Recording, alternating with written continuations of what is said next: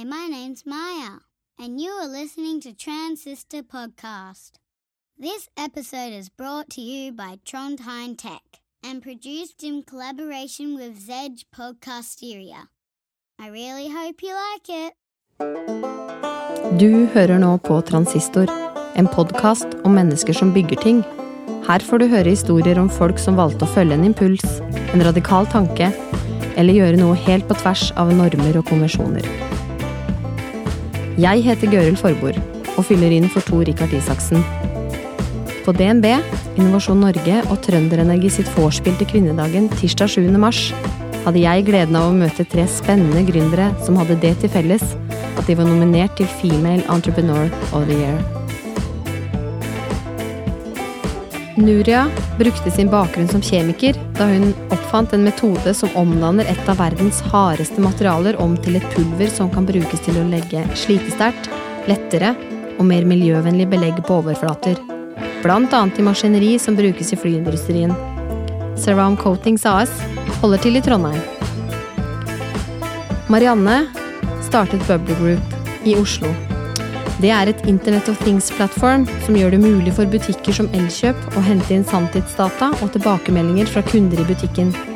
Tilbakemeldingene gir verdifull kundeinformasjon som kan bidra til å øke sjansen for et salg. Siv har startet SecureNock. En programvare som oppdager og forhindrer cyberangrep på kritisk infrastruktur. Den spesiallagde løsningen kan brukes til å beskytte kontrollsystemer i f.eks. olje og gass eller kraftindustrien. Bedriften har i dag kontor i Hamar og i Houston. Her er opptaket av samtalen med Nuria Espiargas fra Ceram Coatings, Siv Vilde Houm fra Secure Knock og Marianne Hinskål fra Bubbly Group. Dagen før dagen og dagen før vinneren skulle kåres. Fullstendig uredigert.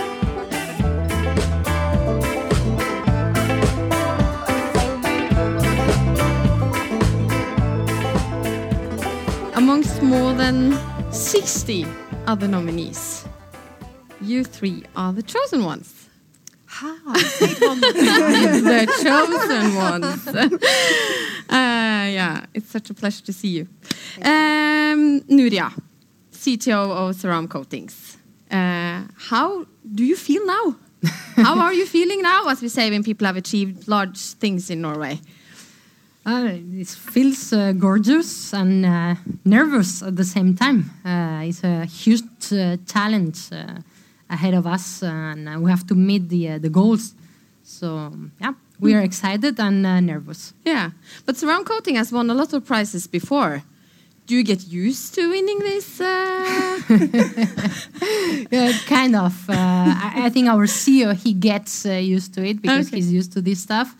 I'm uh, I'm not so used to it, but I will get used yeah. to it. But I mean,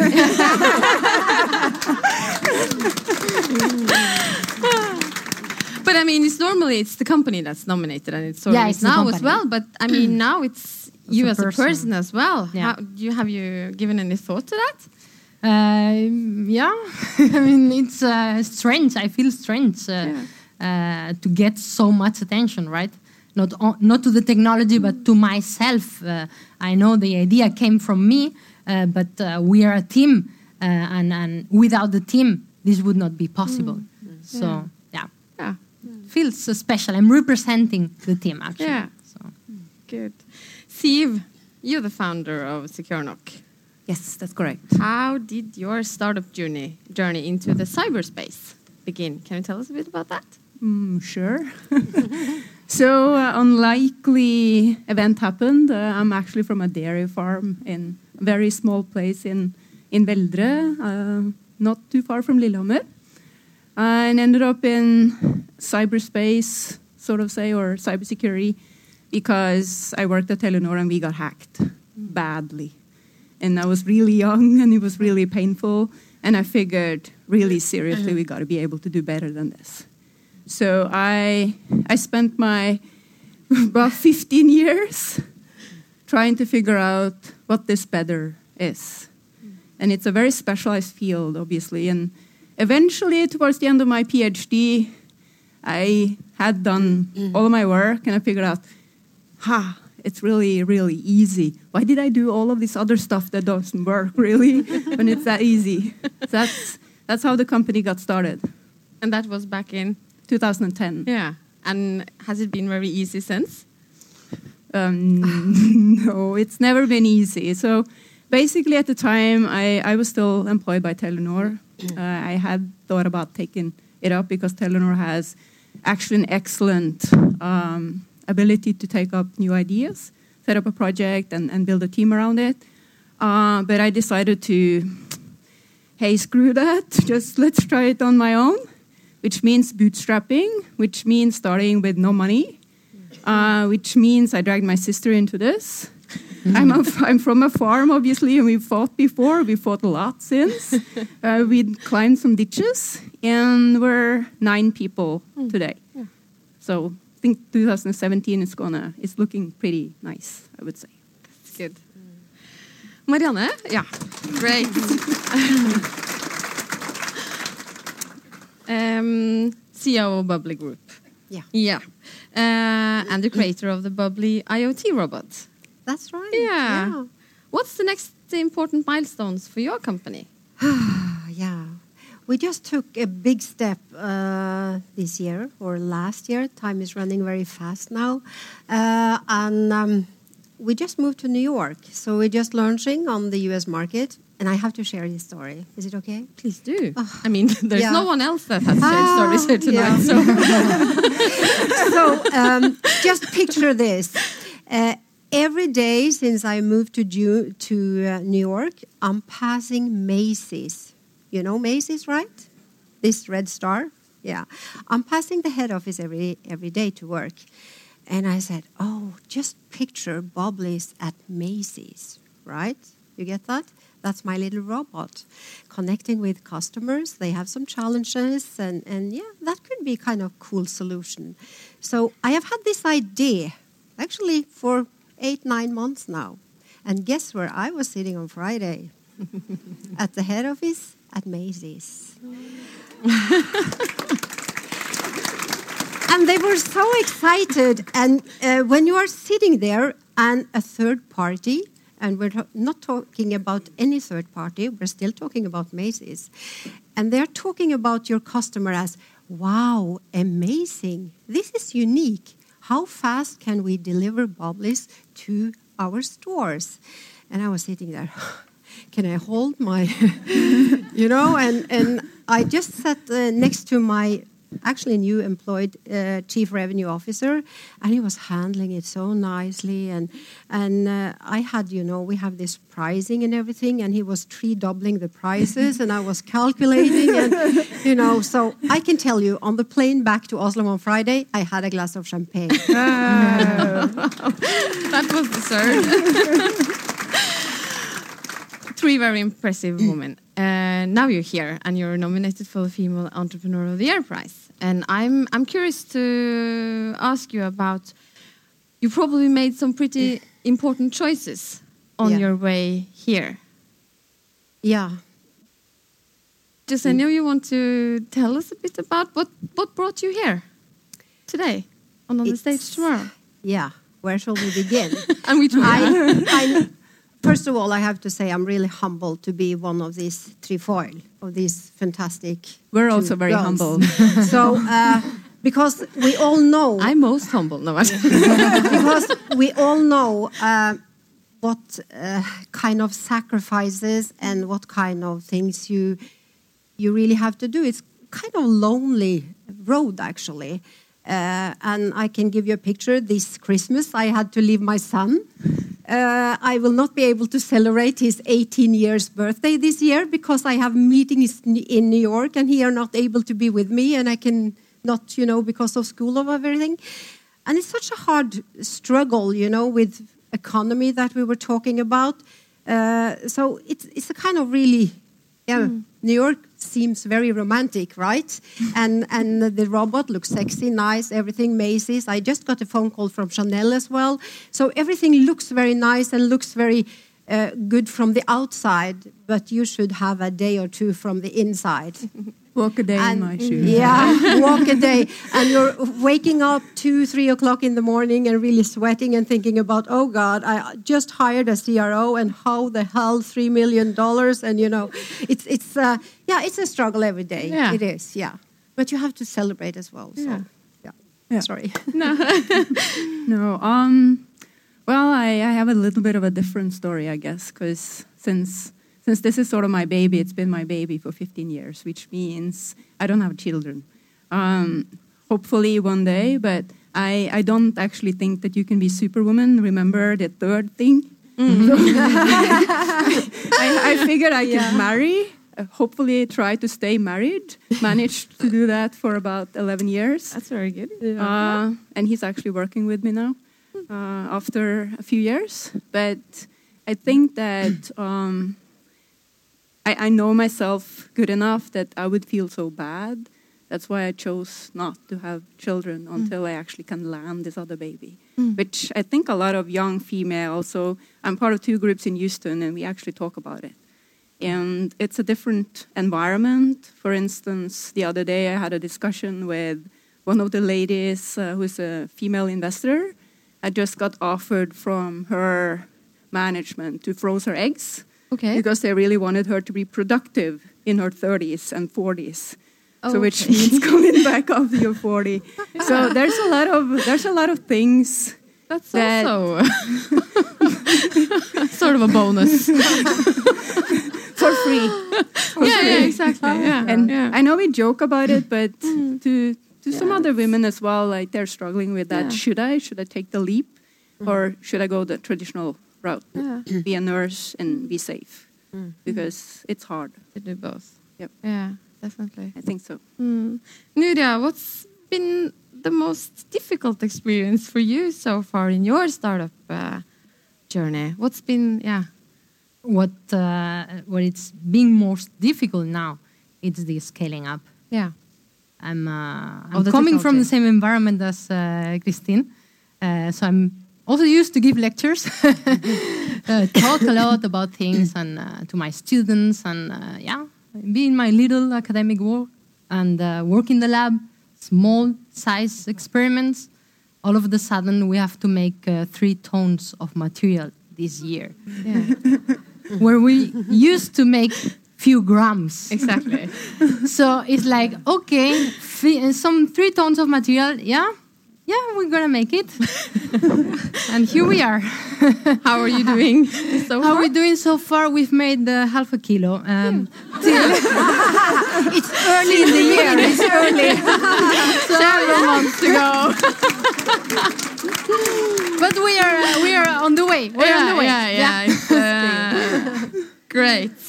And I mean, and on the, what would you say would, is your most important driving force? Or Um, my story is different from them. Yeah. Uh, I'm a stubborn person by nature, and um, I I go to many conferences uh, since I started my PhD. And you read a lot of papers, and you meet a lot of people, especially men, in conferences. And when you meet men in conferences, and you tell them, "Look, I'm in this project, and uh, we want to achieve this," and they tell you, "Pff, "But we we tried."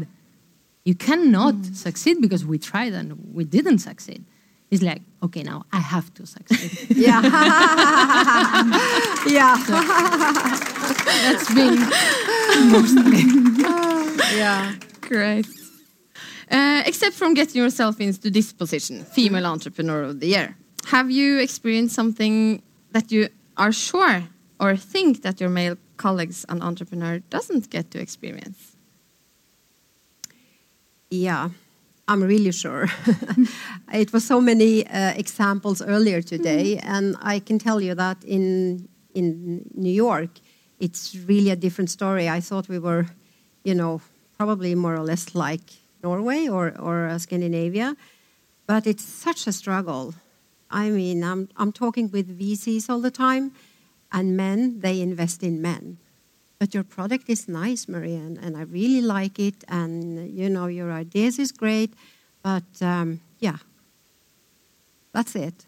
So I have actually learned that a no is not a no. So now I'm teasing them with all the great stories and all the successes. So now I'm starting to get them back again because who would like to miss a great opportunity? And I keep telling them, you're about to lose now. You're about to lose this opportunity. And in meeting rooms now, instead of just sitting at the table, I'm always taking the end of the table. Mm. And I'm always opening the meeting. Mm. And I'm always being so, I'm so prepared for the meetings. I've been working since two or three o'clock in the morning, and probably my male colleagues are up at seven, six, I don't know. But I have worked out, and I'm really so prepared. So it's nothing I can not answer in mm. the meeting, and I take I take the lead. Mm. Yeah. Mm. I think I can resonate with that. Uh, but in addition, I think the the biggest difference. So I'm I'm in a techie world, like we're hackers. So that's my background. I I used to hack stuff for a living. Yeah. she looks like a hacker, right? I don't I look like that it. story. Sounds great. and, and, by the way, I also used to trick receptionists to get me into buildings. Yeah, that's another part of the job. But you don't have a lot of females there, and you don't have a lot of blonde females, short, mm. you know, no high heels. Mm. So I, I basically had to learn the geek language. So mm. basically, when we're sitting having pizza, we're, we're talking protocols. We're not talking about anything else. So it's, it's just a adaptation. Mm. You have to give give away or remove part of the other sort of part of you in terms of wanting to actually talk about different things and rather than technology and protocols and messages and stuff like that, and then move that into another area, and then just sort of deal with what's protocol mm. in that space. I think. If not, they just think I'm weird, cute and weird. Yeah, cute. That's nice when we spoke yesterday, well, I, I, recently discovered that I now have reached the age of my Norwegian shoe size, which is 37. And, uh, and you said that I should only just look forward to being 40 when we spoke yesterday. Because. Yeah, the, this is years ago. Like, um, I, was, I was going to a meeting. Um, the European Commission had put up this new directive, so they were selecting um, security experts and I'm the youngest. I'm probably the shortest, the, the cutest again. I didn't know what to wear. And I told my husband, This is where I go. They're going to sort cows. The bad cows have to go out again, and the good cows get to stay. And then figuring out uh, what's a good cow. you know, how do you become a good cow? Turning 40, no. Turning 40. no, but, but, but, but, um, so I I started on men 50 and above. And uh, my first day at job at work, they placed me like on the other side of the basement. So I basically have to walk to a dark basement mm. and to their meeting rooms. So I, I walk past and I, am standing there in the doorway, and then they're keep on working. And i was like "Excuse me, keep on working. Excuse me, what am I doing here? And because you're not giving me any work." And then I finally figured I'm looking forward to being 40 because then these idiots won't ignore me. Mm. because I would have had enough experience for them to respect me. Mm. That's basically. what does 8th of March mean to you? Tomorrow? Uh, that uh, even though it's more than 100 years, as Anita said, uh, it's more to do uh, maybe not probably in, in Norway, Scandinavia, Europe, but in many other places. Uh, we need to show the world uh, that uh, we've gone a long way, but we have another way to go still, and we can do it. I also think we have quite a lot to do actually in Scandinavia and in Norway. And I, in my board, uh, you know, they always take for granted that I'm taking the notes for the meeting. and last time I was just sending the block over and said, please, who's next? uh, because uh, I don't know, it's, it's just some things, and they always some things, you know, that, uh, yeah, I think we have quite a mm. way to walk as mm. well. And we just heard some examples mm. earlier today. Yeah, we did as a close-up of this session, and I really do think that we could have spoken to these ladies uh, for at least uh, 20 mm. more minutes, but I was lucky enough to do it yesterday. So, uh, but as a close-up, we are you are I'm going to ask you some questions that I have stolen from um, it was originally um, introduced by Bernard Pivot and it's known in its English version from the interview series Actor Studio. And I would like you to answer them as honest as you feel you can deal with. Okay, here it comes. okay. Really prepared, right? Yeah. Nuria, what is your favorite word? I actually don't have a favorite ah, word, but they had one, so it's better for them to answer. Okay, then we start with you. What's your favorite Mine word? is passion. Isn't that a good one? I love it. Yeah. So what's your least favorite word then? No.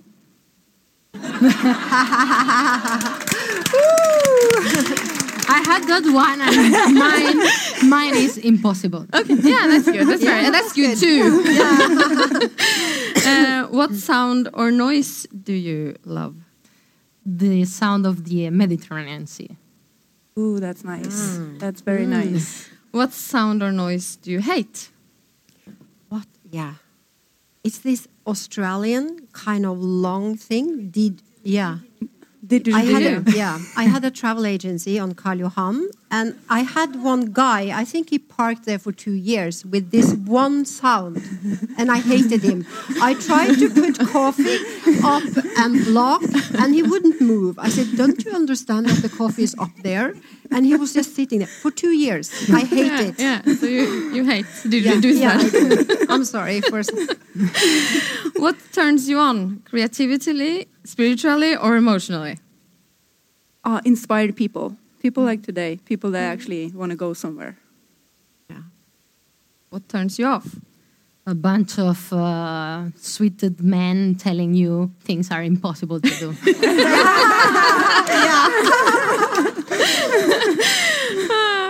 What's your favorite curse word?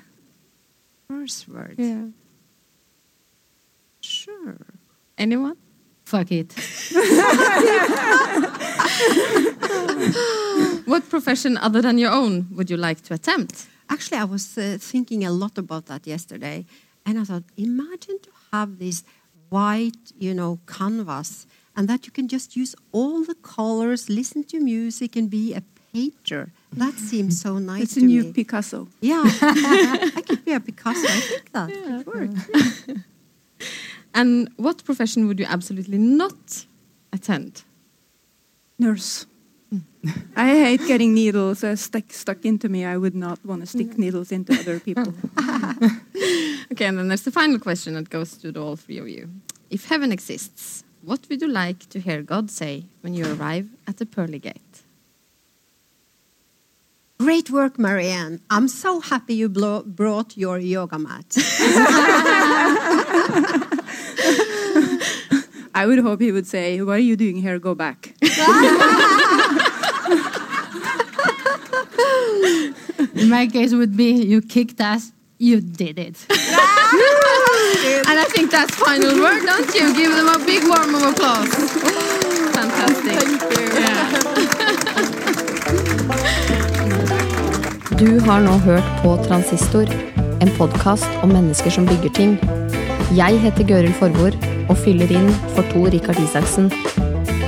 Denne podkasten ble spilt inn i Sedge Podkasteria med støtte fra Trondheimsregionen. Følg oss på trondheimtech.no.